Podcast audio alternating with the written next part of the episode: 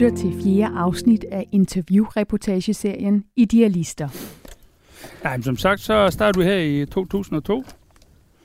Det er snart 20 år siden. Uh, der var det en bar majsmark, det her. Der var ingenting. Og det første, vi gjorde, det var faktisk at plante nogle træer. Hvilke træer er det, der I har plantet? Jamen, det er alt, det du ser her omkring dig. Det er noget, vi har plantet. Der var ingenting her. Det var bare mig. Det er ret forbavsende i dag. 20 år efter. Og kan se, at nogle af de er jo voldsomt store. Men det gør faktisk, at det er læ. Der vi kom, at det blæste bare hele tiden. Det var simpelthen virkelig et pionerprojekt på bare at rykke ud på bare mark med en skurvogn. Det er sådan ligesom det lille hus på, på prærien. Ja, det var det. Og det var knap nok et hus nemlig. Kasper Harbo interviewer Sten Møller, der har været pioner inden for bæredygtig levevis og økologi, blandt andet i andelssamfundet Friland på Djursland. Ravnen, det, det var det første bygning, hvor vi afprøvede en masse ting. Uh, hvor vi afprøvede, øh, altså det var en del af Frilands øh, koncept, det var at eksperimentere og udvikle og vise nye veje med hensyn til byggeri og særdeles med hensyn til affald. Og så også det at være gældfri. Det betød, at uh, vi skulle bare bygge affaldsfrit, vi skulle, sådan, vi skulle bygge for vores egen penge. Og det gjorde jo, at det satte en ramme omkring, hvad vi kunne.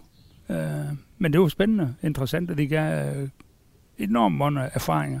Og du kan også se, når du står og kigger på bygningen, så kan man også se, at uh, erfaringer, de er som de er baseret på fejltagelser. Der er en lille revne ned igennem murværket der. Det er nemlig. Og øh, det var fordi, at vi afprøvede nu med muslingeskaller, hele muslingeskaller skal siges. Og så vi bragt det ind i huset simpelthen, eller hvad? Ja, nej, det, det, det står på øh, hele muslingeskaller. Nå, på Isolering måde. under huset, det er hele muslingeskaller. Blåmuslinger? Musling, ja, blåmuslinger, ja. Vi har en masse af dem i Danmark, fordi øh, der er cirka 100.000 kubikmeter om året. Hov, der var lige en... Det var en... Øh, så er der den tæk på mig. Det var en myre, der lige kom på besøg. Nå, tak skal du have. Ja, men altså, alle ja. er velkomne her. Men øh, det er bare for at se, at, at vi afprøver mange ting, og det er så der igennem, at vi får en masse erfaringer, og kan sige, at det der, det du, nu bruger vi så knus muslingeskaller. Og det giver faktisk også lidt problemer. Så nu er vi ved at finde frem til, at uh, det vi skal nu, det er faktisk at lave hus, der slet ikke står på fundamenter. De skal bare stå oven på jorden. Vi skal slet ikke grave i jorden. Vi skal røre ved jorden. Altså, det skal være sådan, at når vi flytter huset, så er det uberørt. Og det, det er ligesom ud fra en masse erfaringer, vi er kommet frem til det, og det er så også, at vi er også kommet frem til, at, det næste projekt, som vi kommer til at snakke om senere med Grobund, jamen det er flytbare hus, små flytbare hus. Vi kommer meget hovedkuls ind i det her. Ja, som radiolytter sidder man for det første og tænker, hvem fanden er du? Ja. Sten Møller. Øh. Jamen altså, jeg er jo så heldig, at jeg får lov til at være initiativtager til nogle af de projekter her sammen med Dorothea Arnfred og Anton Gammelgaard. Projektet hedder Friland. Vi står ved et skilt, hvor der står Velkommen til Friland, og det er ved en hvid grusvej, der fører ind igennem øh, nogle af de huse, som er opført siden det her det voksede frem i starten af 2002. Der er sådan en sten foran, sådan en rød granitsten, hvor der er indgraveret Friland 2004. Var det sådan, øh, der det stod klart, eller hvordan kan det Nej, være? det var, det var fordi, øh, at, at der blev lavet, lavet en række udsendelser fra Frilandshaven fra 2004 frem. Og det var ligesom det, der blev markeret der. Uh, vi har ligesom et uh, erhvervsområde her, og uh, der var Frilandshaven, var faktisk etableret her i en fem år, og brugt området hen bag ved Ravnen, og også halvdelen af Ravnen. Uh, så der er lavet en frygtelig masse fjernsynsudsendelser ud fra. Mere end 100 programmer er det lavet herudefra. Og jeg er sikker på, at DR2's øh, seere vil kunne huske dem. Og ellers, det, det kan også være, at vi kommer omkring dem undervejs. Ja. Sten Møller, jeg introducerer lige for lytternes skyld, fordi ja. det her det, det kommer til at indgå i en række af programmer, hvor vi kalder, vi kalder dem idealister. Ja.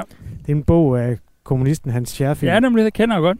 Og det er også en, øh, et, hvis man slår op på Wikipedia, så er det sådan en definition af en persontype, der ikke tager øh, forholdene, som de er, men forsøger at ændre dem, altså ændre forudsætningerne. Ja. I stedet for at sige, okay, forudsætningerne der, hvad kan jeg så gøre? Så, så går vedkommende ind og siger, at forudsætningerne skal være anderledes. Ja. Og det passer du meget godt ind i. Ja. Synes jeg, efter ja. at have set dig øh, citeret og set nogle Ja, på den sidste øh, definition der, der, der kan jeg godt være med. Men øh, jeg kan godt sige noget mere om øh, det der med idealismen. Ja. Fordi det er jo noget, jeg har tænkt over. Øh, og øh, det er rigtigt nok, at have nogle idéer, som fører i en anden retning. Og det, øh, det kommer idealismen frem. Men øh, i virkeligheden, så er jeg jo materialist. Forstår på den måde, at jeg synes, man skal passe på materialerne. Passe på ressourcerne. Og jeg mener faktisk, at øh, det samfund, vi bygger op, det har en idealisme om, en idé om, at vi bare kan bruge los. af alt og smide det væk ud i vores luft, i vores vand, i vores dyrkningsjord. Og det er fandme idealisme, der vil nu. Og at der her, der kan fortsætte, og de kalder det vækst. Og det er en idealisme, der vil nå. Der vil jeg hele tiden, at uh, jeg er en idealistisk materialist. Fordi uh, jeg prøver på at bevare jordforbindelsen. Mm. Og det er igennem det, at vi gør noget konkret. Fordi der er mange idealisme. De er bare idéer, og de snakker bare om idéer, og de gør ikke en ski. Men uh, så der vil, der vil det siger jeg fra over for idealismen. Jeg synes, det er vigtigt at handle og tage ansvar. Det her det er øh, meget perfekt mavelanding i, at vi også gerne skulle komme til at... Altså, du er en mand fra 1954, har jeg googlet mig frem til. Så der er noget livshistorie i dig, som vi skal ombord i, og det føles tit med noget samfundshistorie. Og så kan vi jo tale om, hvad vi skal stille op med det samfund, som vi har nu. Altså, vi har jo aldrig været så rige, vi har aldrig været så... Nogle målinger siger ulykkelige, andre siger lykkelige. Det kommer lidt an på, hvem du spørger. Ja. Øhm, er du egentlig en lykkelig mand? Altså, det der med lykken, det synes jeg, det er et, øh, har vi se, et vanskeligt begreb at håndtere. Altså, jeg vil sige, at øh, lykken, det er nogle stunder, hvor der er smiletid, og det skal du jo bare til at gribe, når lykken smiler til dig. Men det er en tilstand. Det har aldrig været for mig. Det har aldrig været en tilstand af lykke. Men indimellem, så kan jeg se, hold da op, det er jo fantastisk det her. Og så være i stand til at se det. Og det mener jeg samtidig, der, at mange mennesker, de er så fortravlet, at de ser ikke engang, når lykken smiler til dem. Og det er lidt der, han altså, jeg har også med ro på i dag, er i stand til at fatte og mærke, hold kæft man, det er fantastisk det her. Altså det vi går igennem nu her for eksempel, de her træer, de her busker, og nu kom katten, og det registrerer jeg der. Så det er fandme, det er mirakuløst. Det er fantastisk at være i. Vi har solskin nu. Blomster, det hele det blomstrer. Det er også sådan en tid på år, hvor at det er jo helt utroligt. Og der kan man så snakke om, at, at der har en lykkefølelse i det øjeblik. Men så går jeg så ind, og så kan jeg være, at jeg skal kigge på nogle regnskaber og tænke, hold kæft mand, hvordan ordner vi det der? Hvordan får det til at hænge sammen? Det kan man jo ikke sige, at det er en lykkelig tilstand. Altså, det, det er ligesom at sige omkring lykke, det er, at øh, man kan gribe de øjeblikke, der er blevet tildelt ind, og der skal man jo være vågen. Jeg prøver lige at skrue op for at det, vi kalder clean sounden, du ved, altså den lyd, vi, vi står midt i, og så prøver vi bare at holde kæft i 10 sekunder.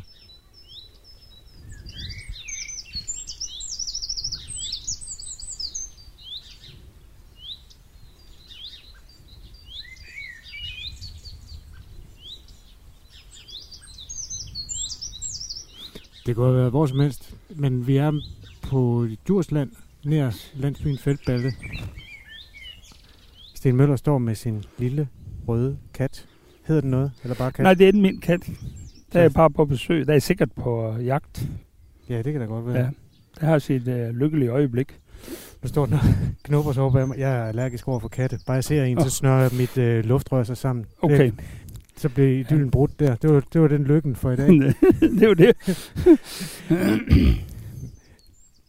øhm, det hus, vi nærmer os nu, det ligner noget for Ringenes Herre, i ordets bedste betydning. Ja, og øh, det er så også et eksperimentalt hus, hvor jeg igen bliver vidne om, at øh, der er lavet nogle fejltagelser her. Bor du her? Ja, jeg gør så. Det er gult, det er rundt, på taget er der græs.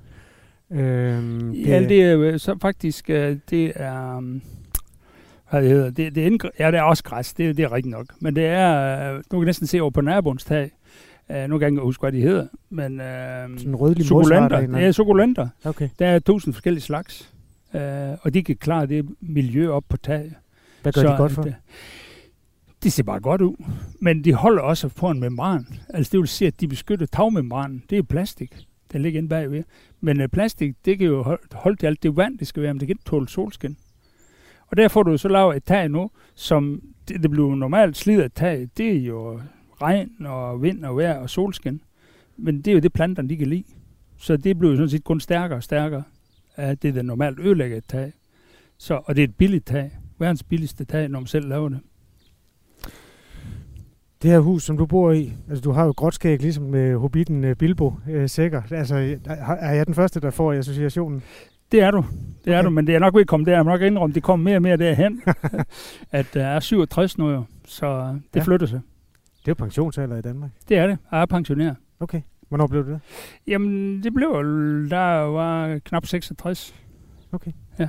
Har du været, har det været en god øh, beslutning og en god start på noget? Ja, altså det, og jeg vil sige sådan, at jeg var heldig også, fordi at øh, coronaen kom jo. Og jeg har jo øh, mine indtægter, sådan indtægter ufra, de har jeg meget hvilet på at øh, lave kurser og foredrag. Og det blev jo lukket ned. Så var jeg jo ingenting. Men så var jeg så heldig at have en pension. Altså, så det var ret fedt. Og altså, det skal siges, at jeg har en almindelig folkepension. Men der kan vi så komme ind til, at jeg har jo simpelthen aldrig haft så mange penge som nu. Og det er inden for at sige, at folkepensionen er for høj. Det er for at sige, at mine omkostninger, leveomkostninger, er kolossalt lave, fordi jeg sidder gældfri og har lavet nogle øh, varmesystemer og nogle forbrugssystemer, som gør, at mit forbrug er ganske lavt. Og det betyder inklusiv øh, ja, skatter og forsikringer og det hele, der er mine årlige omkostninger ved at bo øh, her 15.000 om året. Og det giver jo en helt andre øh, muligheder, også med en folkepension.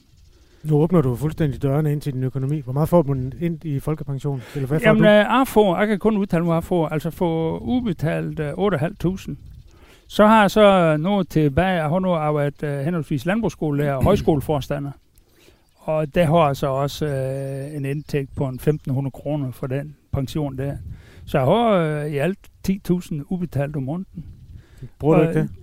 Nej, det gør den. Hvad skulle jeg bruge den til?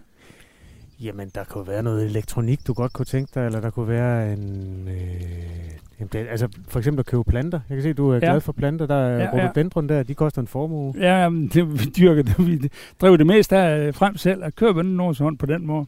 Okay. Hvad Altså, bruger du penge aldrig, på så? Jamen, altså, man ser, min største udgift, det er nok bil. Hvil- Hvilken bil har du? Jamen, jeg har en Dacia Logi. En, øh, det er sådan, fordi der er god plads i. Der kan både bruges som erhvervsbil, og der kan være syv personer i en, men så kan man også sove i en, bruge den som camper. Og det bruger jeg meget. Tage rundt i den og overnat i bilen. Er den betalt ud? Fuldstændig. Altså, jeg har ingen gæld. Jeg har masser af penge. Okay. Og samme årsag, altså, at jeg har solgt hus og værksted, altså, jeg ved ikke, hvor mange penge jeg egentlig har. Øh, For der er også nogle pantebrøve nu, men øh, 700.000 og nogle pantebrøve. Okay. Sådan på kistebunden? Jamen, dem, dem låner jeg så ud. Nå. Det er fordi, hvis det står i banken, så skal du betale rente af dem. Nå, men så kan du anbringe dem i aktier, Ja. ja. vindmølleprojekter, eller hvad du nu har lyst ja, til. jamen, det er rigtigt, men jeg anbringer dem i unge mennesker. Fordi unge mennesker, der skal starte nu op, når de kommer hen til banken, så koster det rigtig mange penge at låne penge. Det, det er ikke gratis. Og som regel, så skal der stilles en masse garantier og pissepapir. Dem øh, jeg har det muligt, jeg kan bare låne ud til dem, og de betaler tilbage over 4-5 år. Får du dem altid tilbage? Det har jeg fået indtil videre. Og skulle det ske, jamen ved du hvad, det rører man. Okay. Altså har penge nok. Hvordan er det nu med dig? Øh, Er du forsørger for nogen? Du havde, du Ja, havde, har Jeg har barn. to, øh, to børn? jeg har tre børn, men altså, man kan se, de andre, dem forsørger, de er henholdsvis øh, 35 og 42 år gamle. Ja, så skal Ja. man kunne selv. De kan selv. Det kan de i hvert fald. Og så så, så er en på 15. Okay, en Så hun er stadigvæk hjemme. Der kan jeg jo så med hoved, hovedregningen nå frem til, at øh, hun er noget... Hun er jo over 52, da jeg fik det sidst. Ja, og hun er vokset frem et eller andet sted i, i begyndelsen af frilands. Ja, øh, hun er opvokset her på Friland. Det er der ingen tvivl om. Var det en kvinde, du mødte øh, på friland, eller var det en, du, du var sammen med inden? Uh, nej, det er jo mødt, det er mødt på Friland. Det, der sker, det er jo sådan lidt, uh, men det er jo historien, det er, at uh, vi starter Friland op, og der er Dorte Arnfred er kæreste med på det tidspunkt, og vi har været kæreste i nogle år. Så starter vi i Friland. Og faktisk et halvt år ind i forløbet, der får hun kræft. Og uh, ja, halvanden år senere, der er, der er hun borte. Altså, det var en hård start. Ja, så. Så um, ja, uh, det var sådan, det gik. Men øh, ja, jeg fandt en anden, Mm. og det var så en yngre model. Og så fik vi barn. Og det Ja. var fantastisk. Er I stadig sammen? Nej, men vi, hun bor jo på Friland, altså vi er... Altså vi bor sammen, Nej, nej, nej. slet ikke. Nå, du er en meget åbenhjertig mand. Hvis jeg spørger om noget, som du ikke gider svare på, så siger du bare, det gider jeg ikke Ja, svare ja, på. ja, jamen det, altså det er jo, på den måde har andre, som øh, synes, at anden vil... Øh, altså det er i virkeligheden at prøve at snakke om. Og øh, der synes han, der skal man... Øh, der har jeg ikke lyst til at fortige nogen ting på den måde i min virkelighed. Kun hvis, at det skader andre, så vil jeg godt holde kæft. Men øh, det her, det skader nogen. Skal vi gå ind for? Giver du en kop kaffe? Det gør jeg nemlig. Jeg laver lige et, det, der hedder et recap, mens vi går her øh, hen i, ind i det runde Hobbithus om lidt. At, øh, det her det er et program, der hedder Idealister. En fjerdedel af en serie, som jeg hedder Kasper Harbo. Jeg er journalist og radiovært på Radio 4. Har lavet ved... Nå, goddag hund. Hvor var den sød. som jeg har lavet ved at møde fire mennesker, der brænder for noget.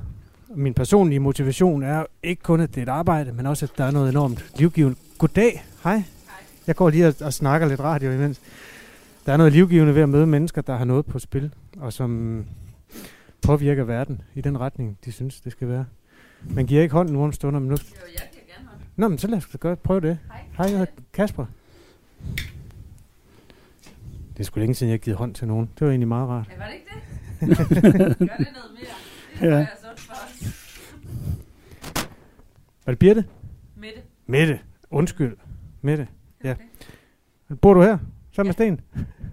Godt, godt. Jamen, jeg er, jeg er i fuld gang med at optage, så du bliver en del af et radioprogram nu. Er det okay?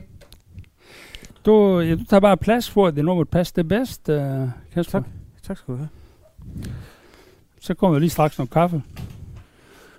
Og det her runde hus, det ved ikke, om det er rundt, eller hvilken façon har det? Er det rundt? Ja, altså vi kan se, at endekernen der er i rund, men så har vi ligesom lagt nogle vinger ud, og man må sige, at når man kommer ud på sydsiden, det er jo været ude nu, men der sidder faktisk et dragehoved herude, lige her udenfor. Og det er faktisk lidt inspireret af øh, dragen fra den uendelige verdenshistorie. Dragen, som drager ud, kæmper for fred og kæmper mod det grå mørke. Det der Michael... Man- Michael Endes, Endes, det Ja, det, han hedder. den Ja. uendelige verdenshistorie. Det er ikke bare den uendelige historie. Det kan godt være. Jo, det er rigtigt. Den Ja. uendelige historie. Det er, Ja. det, er, det er rigtigt. Og der blev jeg inspireret så tænkte jeg, det, det vil jeg godt være med i. Er det dig, der er dragen så i den fortælling? Ej, nu, nu synes jeg nok, øh, måske, at vi drager lidt for hårdt, men øh, det er jo et symbol. Altså, det er et bredt symbol, som, er, som jeg gerne vil bakke op i, men ligefrem en drag, det vil ikke kalde mig selv. Okay. Altså, det, der, der var jo en fredsdrag, og i den sammenhæng, jo, der er jeg meget be, bevidst omkring det, at vi skaber her også, at det er fredsskabende. Mm. Men øh, der kan vi vende tilbage til min historie. Ja. Øh, fordi, øh, som sagt, jeg kommer fra 54, og øh, der var jo en for meget i Danmark, altså i 50'erne. Altså det kan jeg sådan selv huske, men det kan jeg regne ud. Altså der var vi stadigvæk øh, i en tilstand, hvor at det var, øh, ja, jeg vil sige nød, men øh, der var ikke for meget materiel. Det var andet. Altså det jeg kan huske. Jeg kan huske, at jeg øh, går sulten i seng. Men øh, jeg kan huske, at jeg frøs. Det var sgu koldt. Jeg har læst, du er den yngste. Nej, du er ikke den yngste, men du er en den anden yngste. Næste yngste af syv søskende ja. i Ja. en gartnerifamilie. Ja. I Vendsyssel. Jeg var i Vendsyssel op i Vestfold, nu her i Moseby. Og det var jo virkelig en, øh, en udørken. Altså, det var uden for landslov og ret. Og det var uden for landslov og ret. Altså, vi har vores egen virkelighed, og det tror jeg har slæbt med mig derfra. Altså, der er frihedstrang, der lå begravet i det samfund. Øh, det var et tørvegraver- og briketsamfund. Og det bestod af arbejdsfolk og krejler. Og det var øh, for mig at se nogle fantastiske folk øh, at være iblandt. Men øh, det var også med frihedselskende folk, som gjorde det, som det nu synes, det skulle gøres. Så det, det er også en del af min baggrund. Og også en del af, at øh, hvad skal man sige, jeg kan kreere sådan noget som friland og grobund. Det er ingen tvivl om. Men det jeg oplevede, det er jo, at sådan til forskel fra nu, når man var seks år gammel i det her gardneri, så var jeg indrullet i arbejdsstyrken. Mm. Så var det slut med at lege på fuld tid. Altså, man selvfølgelig godt lege, men det var uden for arbejde. Og øh, det var med at ordne grøntsager, luge gulerødder, og ja, skære kål om vinteren og tage kartofler op. Og der var hele ting nu. Der var, altså, øh, man var hele tiden kronisk bagefter. Det var sådan set en tilstand af arbejde. Altså i virksomheden. Ja, gardneriet der. Ja. ja. Øh, men så øh, kunne de købe mig fri også. Det var fantastisk, fordi jeg var en højt skattet legekammerat, fordi jeg har altid haft en god fantasi og gå på mod og afprøve alverdens ting. Så, øh, så fik vi det der aftale, at når vi har luet så mange rækker, altså mig og mine kammerater, så må Mm. du have tage fri. Nå. Og så fik ja. Nå, der fik jeg jo tit opbakning til det. Så, så kunne jeg slippe fri, og vi kunne tage i, ja, ud og bade i tørgraven, og ja, kridtgraven, og øh, alle de vandhuller, store steder, der var. Vi taget syv km til Vesterhavn. Uh, vi var i skoven. Vi var over det hele. Altså, og det var, det var et børnesamfund. Der var mange børn på det tidspunkt. Og der var ingen institutioner. Altså, vi har en frihedsgrad, det er trods alt hver beskrivelse i dag. Så røg der jo 2% af børnene røg vel i mavelgraven eller sådan noget, hvis man skal... Jamen, det var det, der, de, de boede i, i, dagens, i forhold til dagens logik, så boede de fleste jo uh, handicap og døde og alt muligt. Var der ikke nogen, der døde? Aldrig. Altså, det var heller ingen, det var knap nok, at vi kom til skade. Altså, om de kom vi til skade, men aldrig. Nå. Det var alvorligt. Og det var fordi, vi var ingen tvivl om, hvem det her ansvar for, når vi hopper ud i tørgraven. Altså, der var jo ingen voksen, vel? Og det var os. Mm. Så du måtte skulle lige føle det frem. Altså, ja. Og det var så også de, de store, der bestemte, altså blandt børnene. Altså, deres ord, det var lov. Og det, hvis ikke du forstod det, så fik du pap på øren. Så forstod du. Altså, det var jo ret håndfast. Men der var aldrig nogen, der led noget overlast, sådan som jeg kunne se det. Det kan da godt gøre ondt at få nogen på ørerne. Ja, men det kan være, du trængte til, så. Okay. Har du selv opdraget dine børn på den måde? Nej, Okay. det var han. Slet den. Sten Møller, bare lige for, inden vi går, fordi de 60'erne er rigtig spændende, også det, det er jo sådan hele Danmarks blomstring op fra, Netop. fra knaphed til, nogen vil sige overflod nu. Ja. Og der ved jeg, at du også har en masse på spil, men bare lige for, at vi nu også husker 2021 øh, nu og da. Hvis du kigger dig omkring i det her rum, hvor du sidder her, er det så øh, er det luksus i forhold til det, du er vokset op i? Det er det. Her er nemlig dejligt varmt. Ja. Men det er jo fordi, Og det er den, huset er- øh, huset er- 9. juni. Og, Huset er tæt, ja. og du har masser af lys ind. Gulvet er koldt. Altså, det, altså det er det, jeg kan klage over i min barndom. Vi frøs. Mm. Vi har en kakkelovn, og der blev fyret med tørv. Og det gav ingen varme. Altså det gav noget strålevarme i en 3-4 meters afstand. Der, vi kunne have kakkelovn i en side af huset, der var på fuld hammer. Og i den anden side, der var vinduerne et lags glas, der var isblomster på. Okay. Isoleringen, det var øh, 12 mm, det var kaldt cellotex-plader. Det var isolering. Altså pisse tæt. Nu bliver det meget teknisk, men altså, det er fordi, jeg aldrig rigtig har beskæftiget mig med det der. Hvorfor var det, at man ikke øh, brugte noget træ til at fyre med i stedet for? Altså det der tørv, Fordi- det har jo været sådan, det, er Ja, futtet af så det er jo en længere historie. Det, er- men det er jo, at også i Danmark, vi har jo fyret alt træ af. Vi har brændt dem. Vi har fjernet, der var ingen skov. Der var sandfyning. Det var stadigvæk op til 60'erne. Hele Jylland var et stort sandfyningsområde. Hedelandskab. Der var ingenting. Altså træer. Det, det, vi har misbrugt det hele. Vi har faktisk man siger, undermineret vores egen livsgrundlag. Hvem havde dengang. fældet dem? Det gjorde folk jo generelt, men dels fordi, at hvis man skulle øh, lave mursten, brænde kalk, så kræver det enorm energi. Syde salt. Altså, det er derfor skoven forsvandt fra Læsø. Det var på grund af saltsydning. Men vi har kalkværker rundt omkring. Øh, brænding af sten, det kræver enorm energi. Og det var træ, man havde. Og så skulle man også bygge skib. Altså, det er så jo lidt længere tilbage, men øh, flåde og sådan noget. Altså, der var, øh, vi var nede på 2% af areal, der var dækket med træ. Nå. Ja, det er derfor, vi graver tørv. Fordi tørv, hvis du tager brændværdien af tørv og sammenligner med arbejdsindsatsen i forhold til brændværdi, så er arbejdsindsatsen 3-4 gange så stor ved at lave tørv, som at fælde træ. Hvor er det, man får... Altså tørv, det, det er udtørret jord med noget planterester i. Det er noget. gamle planterester. Det er hvis du har en, hvis du har en sø, hvor træerne de falder ned i, så rådner det den rigtigt. Det ligger bare der. Og så falder mere og mere sammen. Og på et tidspunkt, så, så lukker søen helt til. Og så ligger sådan en lag øh, ukomposteret træ der. Og hvis det så kommer nogle sandfødninger ligger henover, som vi gjorde i vores tilfælde, om det er jo kaldt sandmosen. Fordi det var netop mos med sand henover. Der var faktisk øh, halvanden til tre meter sand ovenpå. Så får du så også en sammenpresset tørv, men det er tørv, det er gamle planterester, som på sigt, hvis processen fortsætter, og det er blevet lagt endnu mere under tryk, så vil det blive til brunkul, og endnu rigtig, rigtig mange, hvis vi snakker om millioner år, så vil det blive til stenkul. Men øh, vi, tager, vi tog jo første del af processen der, øh, og gravede dem op, og så tør du dem. Sindssygt arbejdskrævende altså. Folk, der stod nede i et hul i jorden, i, i hos solen bagt ned, der var sort. Vandet, de stod i, det var nok en 6-8 grader. De var simpelthen, de blev fuldstændig ødelagt. Og de, de står uden med en skovl og graver det her op, og det er tungt at stikke. Det var en, det var en kartoffelgreb, og hver grebfuld har nok indeholdt mellem 20 og 25 kilo. Og de står bare der og arbejder. Det, det, det, altså det, med tror, altså deres hænder, de er jo dobbelt så store. Altså hvis jeg lå min hånd sammen her, så har de sådan en hånd. Altså, de har jo nogle overkroppe, og de er jo slidt op, inden de var 50. Fuldstændig ødelagt. Det var på akkord. Det er bare for at sige noget om, det jo et slid. Ikke bare i landbrug, det var det også. Mm. Men det var det også, tørvegravning var et slid uden lige, altså. Det er også øh, på en eller anden måde sidste reserver for et udpint land. Ja. Altså, at man graver sig ned i undergrunden der. Ja. Og det, er jo, og det er også derfor, vi har jo nu varme lige godt. Og så sker det det, vi får olien. Lige pludselig så kommer der olie til landet. Vi får det hjem, vi får oliefyr. Vi får centralvarme. Det vil sige, at vi får varmt vand rundt i værelserne. Altså der er varmt på værelserne lige pludselig. Isoleringen kommer. Vi får, vi får simpelthen øh, øh, mineraluld lagt op på loftet. Det er jo helt vildt, synes vi. Altså det er jo luksus, du tager. Jeg tager lidt kaffe her. Ja. Nu skal lige finde teske her. Øhm, Sten Møller, når, når man taler om sådan noget her, så kommer man tit til at, at snakke politik. Også ordet øh, idealister. Det, det har... Øh, ja, Shaffi var jo kommunist, og det ja. har jo sådan en venstreorienteret klang. Jeg, jeg tilstræber at tale med folk i alle øh, steder på skalaen. Men er, er du egentlig rød eller blå? Øh, Uh, altså, jeg har været organiseret som kommunist Mm. op, i, op i 80'erne.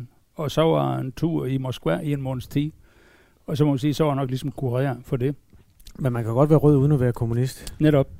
Uh, og jeg vil gerne give det billede i dag, at sådan som man ser samfundet, så kan man med Jürgen Habermas stille samfundet op i uh, statslig del, en markedsdel og en civil samfundsdel.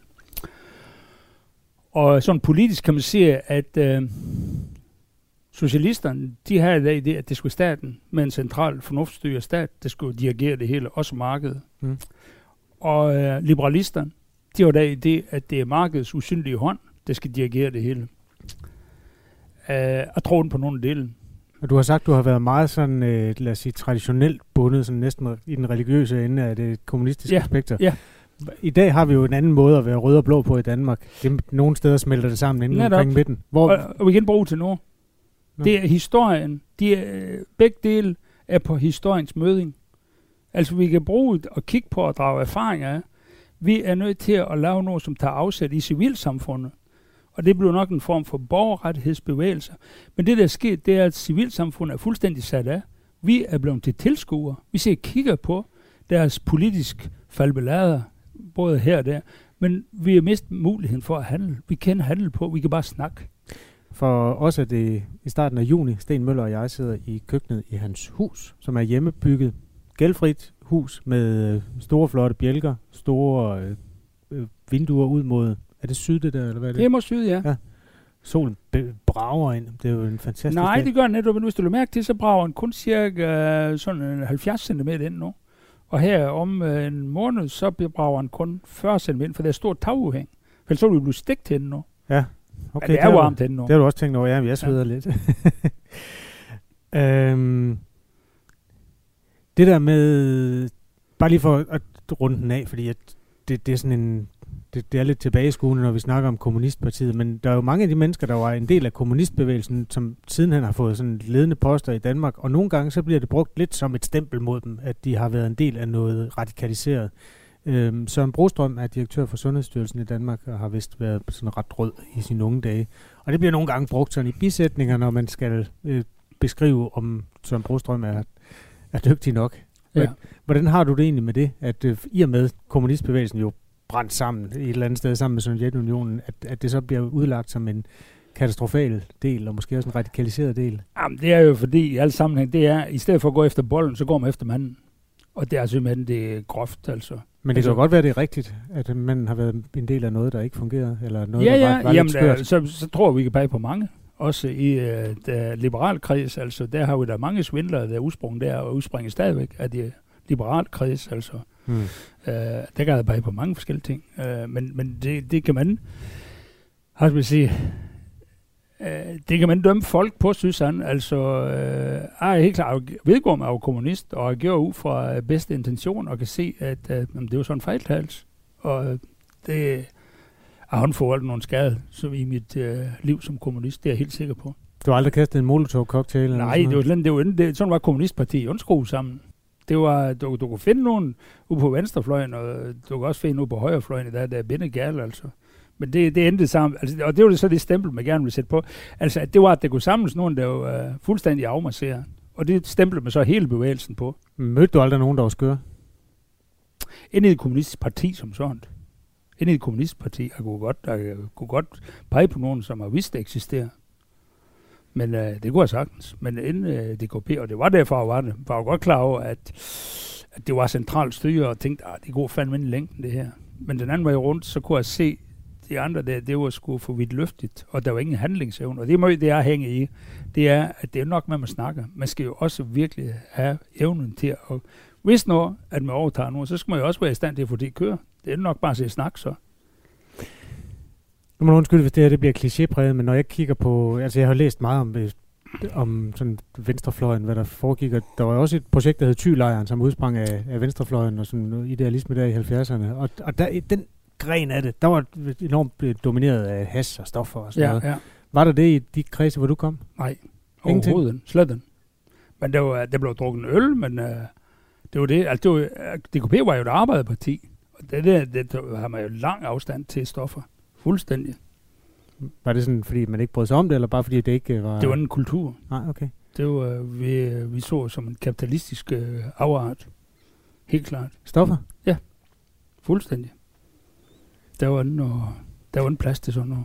Altså, det, den kan man, man prøver på at øh, få det hele kørt sammen i en gryne, og så nævne Thylejren. Altså, jeg, sgu, jeg tror, der var, var nogle deciderede DKP'er deroppe. Det kan jeg forestille mig.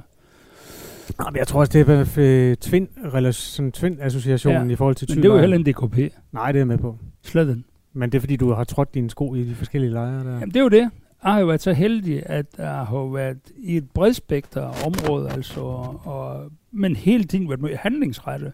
Og det vil jeg påstå, at det er derfor, at jeg kunne bibeholde fodfæstet, der, der er det, som jeg synes selv, jeg har. Det er, at der hele tiden har været regnet med, hvad er, vi kan gøre konkret.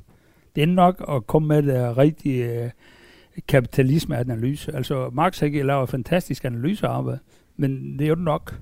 Det skal ligesom føres ud i verden. Og det er jo der så også, at det, det kunne gå galt, og det gik jo også galt. Hmm. Vi kan komme ind på at have en masse konkret løsninger, hvordan man kunne løse nogle. For eksempel alt mit spildevand. Altså, det er pis og papir og det hele. Hmm. Det går igennem septiktank, og så samler jeg op i et lager under mit drivhus, hvor at det er en kæmpe kapillarkasse, altså en plantekasse, kan man sige, på 40 kvadratmeter. Og det øh, bruger til tomater og agurker. Vi kan ud se lidt senere. Men det vi kan gøre i virkeligheden er jo, at jeg kan låne dit toilet nu. Ja. Og, øh, Så kan vi følge det ud. så følger vi simpelthen ud. Det er det, vi Ja. gør. Skal vi se her. Det er jo ikke almindeligt toilet, men når du skal skylle ud, Der er et badekar fuld så, af vand. ja, og så tager du vandet med den der og skyller ud med det. Fordi der er jo ingen grund til at smide det ud, bare som affald. Det kan jeg lige så godt bruge i et toilet. Er det regnvand der? Nej, nej, det er badevand. Nå, det er vand, du har Ja, badet i? jeg har været i bad der. Okay. Men det sker jo ikke, når vi skyller ud i toilettet med det. Nej, det kan jeg da godt se. Okay, det er da Det spændende. sparer jo meget vand med. Ja, men så kan man jo også sådan, uh, dosere alt efter et stort eller lille skyld, hvad der er brug for. Det er sådan lidt dårlig stil at stå og tisse, mens man er i radioen. Men øh, vi flytter jo grænsen hele tiden på den her radiostation.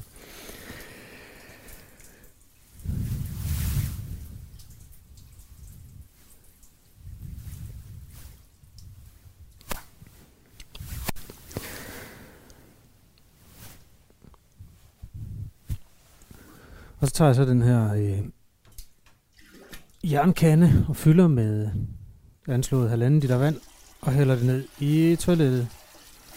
Og så er den skyllet ud. Jeg får lyst til at trykke på knappen, men det skal man jo ikke. Jeg ved ikke, der er ikke nogen håndvask, så jeg tror bare, jeg kan lige dyppe ned i badevandet også her.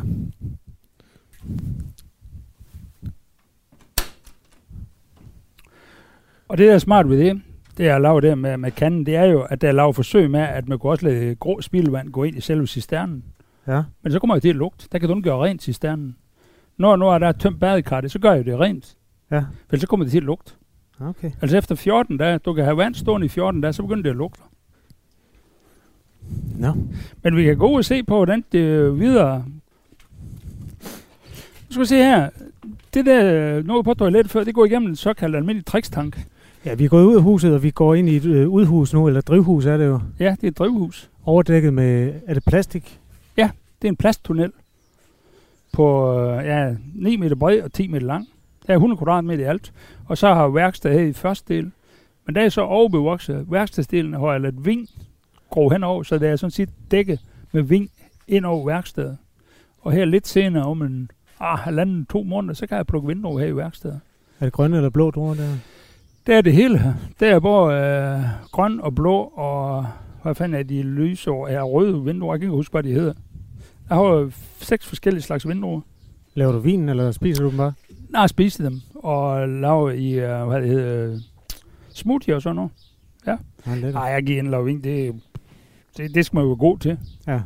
Ellers så smager den godt. Nej, det, det kan jeg bekræfte. Jeg har smagt øh, rundt omkring. Uh, her nu er spildvandet hernede under. Du kan se, der er en pind her, jeg kan få til at svømme op og ned. Der er en svømmer. Det er øh, brønddæksel, sådan, Det er brønddæksel, ja. den. Og så under det, Der er jo vand under hele arealet her. Der er en membran nedenunder. Et stort badekar, kan man godt sige. Mm. Hvor at det så er fyldt uh, hele blåmuslingeskaller i. Og det er de gode til. De har et stort uh, porvolumen, har blåmuslingeskaller. Et porvolumen, der ligger mellem uh, 85 til 90 procent. Men uh, spildvand, det har jeg med at lugte. Så derfor så har jeg så lagt 20 cm sandmul ovenpå. Og du kan jo ikke lugte noget som helst nu.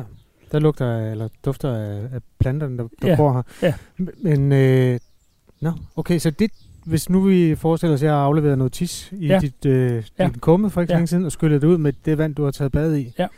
Så er det løbet under her, og så befinder det sig under os nu. Ja. Hvad sker der så efterfølgende? Så siver det ud i jorden. Ja, i- nej, ikke i jorden. Nej, nej, det er en membran. Det er et badekar. Det er ikke kommet nogen steder hen. Bliver det der? Det blev her, men vi har jo planterne her. det planter de ikke kan, og det de har brug for, det er jo netop vand og tis. Ja. Altså i det tis, der er 90 procent af vores næringsstof, det er der i, som er plant, øh, ja, som planterne kan bruge. Men har de rødder ned i, Det kan jeg love dig for. ned i badekarret? Ja simpelthen? da, det er dem, der bortskaffer alt vand hen over sommeren. så bliver det her badekar tømt, fordi de bruger jo vand, Ja. og de bliver fordampe. Og de tager også alle næringsstofferne. Hvad nu, hvis jeg havde skidt? Jamen, det er da fint. Det stopper så et øjeblik ude i septitanken. Men det er jo, der sker der en kompostering. Og så frigives næringsstofferne derude. Så snart de er flydende, så kommer de herud. Så bliver det skyllet med? Ja. Hvad sker der så med de faste bestanddele og papiret og sådan noget? Jamen, det nedbrydes. Okay. Altså at komme herud også over, over tid. Så der er ingen øh, restprodukt der? Nej, det er Altså, det er altså pålagt, det er så af kommunen, at de vil tømme en septitank en gang om året. Det er fuldstændig hul i hovedet. Så kommer de og hugger med næringsstoffer. Og det skal jeg give 1000 kroner for. Er det fine, du har derovre? Ja. Øj, hvor er det fine. Sten Møller er idemand bag andelsforeningerne Grobund og Friland, der hviler på tanken om bæredygtighed, selvforsyning og økonomisk frihed. Landsbyen Friland voksede frem på Djursland i begyndelsen af nullerne. Processen blev fuldt igennem flere år i en serie programmer på DR2. Sten Møller bor stadig i landsbyen, mens han er med i maskinrummet om det nye projekt Grobund. Det, der sker nu, er, at vi hopper ind i Sten Møllers bil, som er en Dacia. Dacia, det er jo sådan øh, oprindeligt... Jeg er ikke helt klar over, hvordan de gør nu om stunder. Det er jo et rumænsk øh, mærke. Altså, det er jo en modificeret Renault. Der er bare billigere. Og der er så teknologisk øh, indviklet, det passer mig fint. Altså, jeg kan selv stadigvæk reparere på det her. Nej, det gør selvfølgelig en forskel. Ja, det gør det. Kan, ja, du, lave, kan du lave bil? Sådan, når det den, kan jeg. Jeg kan lave bil, jeg kan lave motorcykel, jeg kan lave alt. Ja. Det kan jeg. Jeg kan lave alt. Det med at være bonde i traditionel for- forstand i Danmark, er jo også at udnytte jorden. Og der er jo også en fraktioner inden for landbruget, der, der kæmper for at, altså retten til at udpine jorden sådan til den til yderste grænse. Ja. Har du, altså det du er rundet af, den der det med det lille gardneri, der var vel heller ikke den store økologiske bevidsthed omkring det. Det var vel handlet Nej, om. det er, altså, jeg, kan jo, jeg kan jo fortælle om, at øh, som sagt, vi er jo indrullet af arbejdsstyrken, blandt andet så luger vi jo guldrødder, persillerødder og alt muligt. Um, og det, det tog jo lang tid.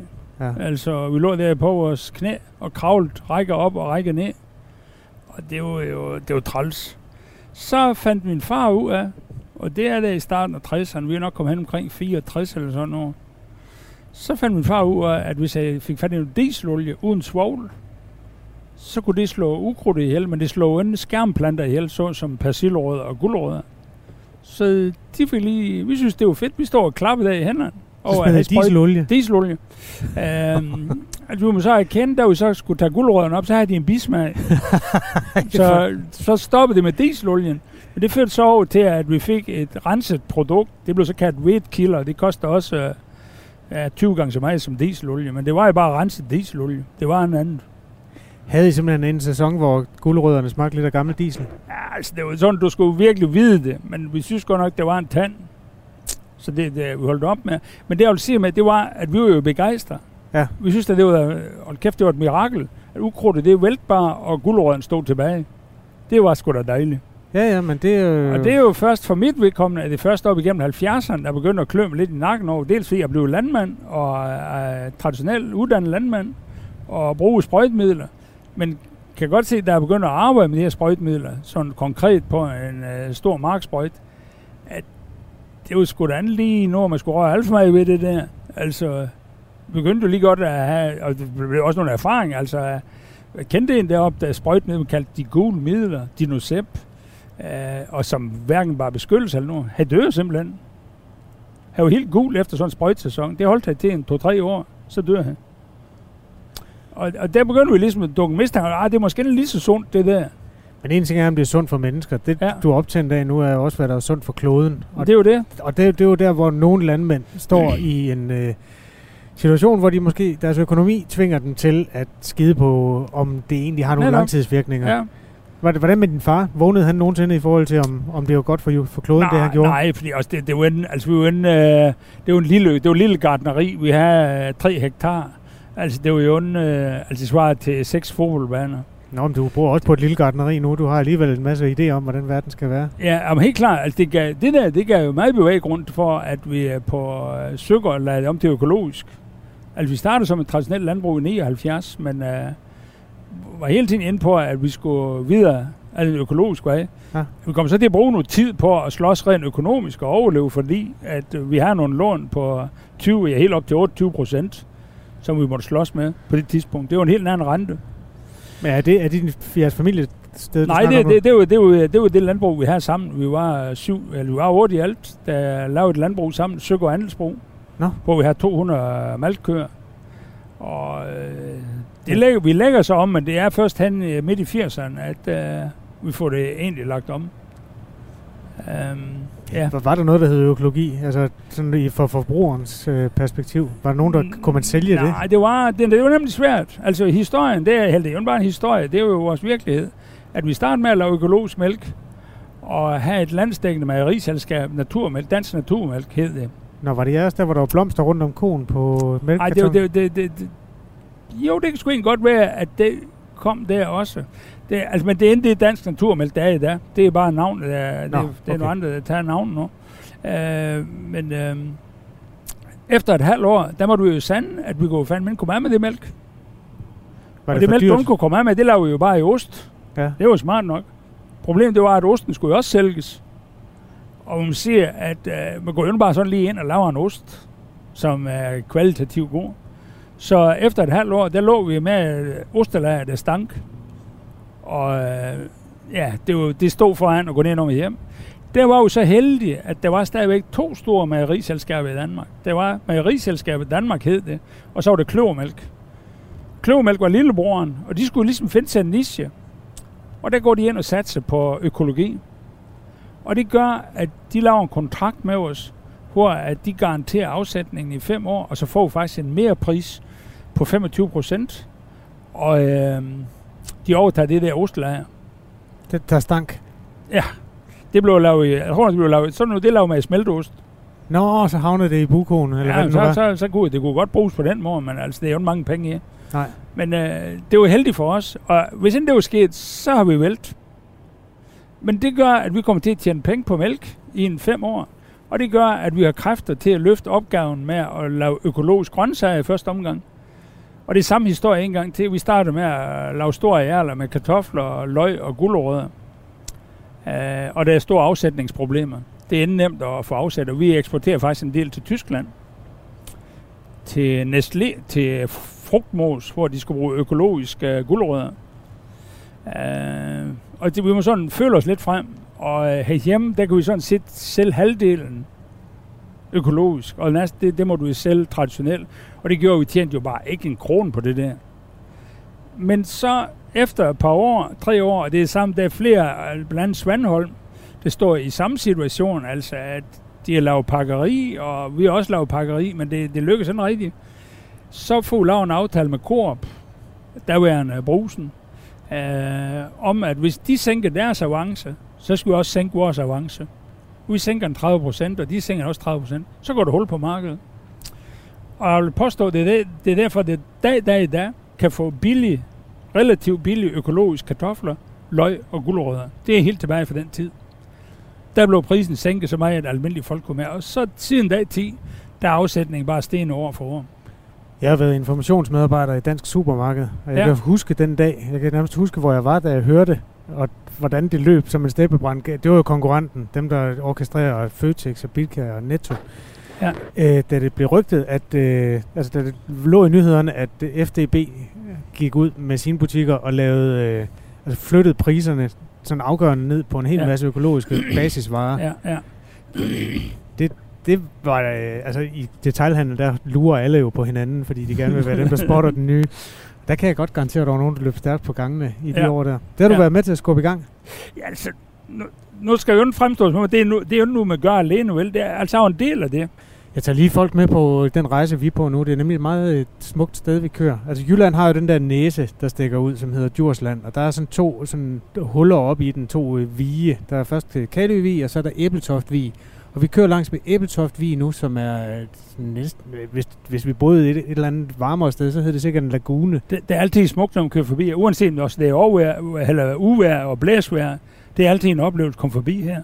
Det er det. Det er et lavvandet område. Man kan Ja. gå ud og hente blåmuslinger, hvis man er til den slags. Ja. Derovre ligger fregatten Jylland. Vi er på vej hen til noget, der hedder Grobund, som er en...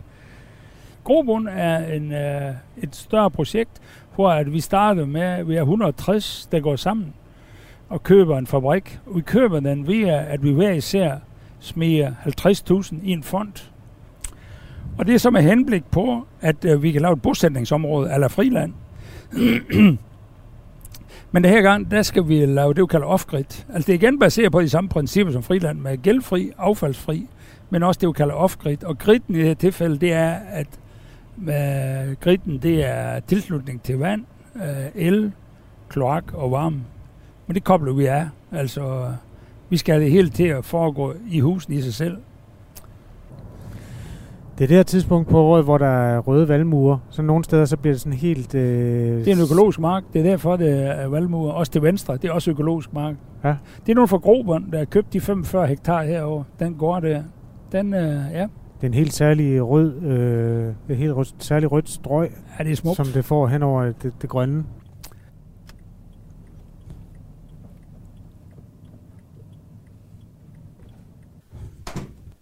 Vi træder ind i receptionen, og hvis man ikke vidste bedre, så vil man... Ja, okay, der er jo... det ligner ikke et dansk erhvervseventyr i klassisk forstand, men det gør det jo den, til den ene side. Sådan lidt 90'er-agtig øh, skrå øh, receptionsskranke. Kopimaskinen står bagved. Det er sådan lidt ligesom en gyserfilm, hvor alle pludselig er blevet suget ud af. Og så kommer man herover, hvor der er sådan lidt mere rodet butik og et stort projektbord. Øh, bord. en masse billeder. Det ligner sådan en familievæg. Det er det måske også. Det er det lidt. Det er nogle af dem, der er med i øh, projektet her, der har fået deres billede op. Hvor er du henne? Øh, hænger lige i midten der. Det gør du da også. Du har fået den flotteste ramme af alle sammen. Ja, det tror jeg. Coverramme. Ja. Hvad, hvad er din status her? Altså har du, det, er du borgmester, eller hvad kalder man det? Nej, altså klogeligt nok, så øh, altså, er jeg projektmager, og det har jeg jo opdaget, inden vi startede det her. Så øh, er virkelig skrab til at kan samle mennesker og forklare om, hvad, hvad det er, det går ud på. Hmm. Og er med til at samle alle de her 160 mennesker, og også med til at bane vejen for at finde ud af at få det her salg på plads. Altså købet af fabrikken. Altså der var mange, ja, det tog 10. Hvor fik I 24 millioner fra? Jamen, det fik vi så heller ikke. Øh, fordi der er jo vist godt, der kommer aldrig til at koste 24 millioner. Og så i 2015, der satte de prisen ned til 16. Og så går jeg ind sammen med et par andre og byder dem 5. 5 millioner? Og jeg vidste godt, der skulle lande imellem 6 og 7. Og det gør han så lige pludselig, og det går bare meget hurtigere, end jeg har kalkuleret med, fordi på grund af Brexit, så kommer Tatterstil i England, de kommer i klemme, og de skal bare af med det her. Og lige pludselig så kunne I købe den for 6 millioner. Havde du så ikke 6 millioner? Nej, det kunne jeg jo ikke nå at skaffe. Altså, jeg var jo alene. Eller jeg var alene på det tidspunkt, eller vi var ikke så mange. Og der blev købt for næsten til 6 millioner.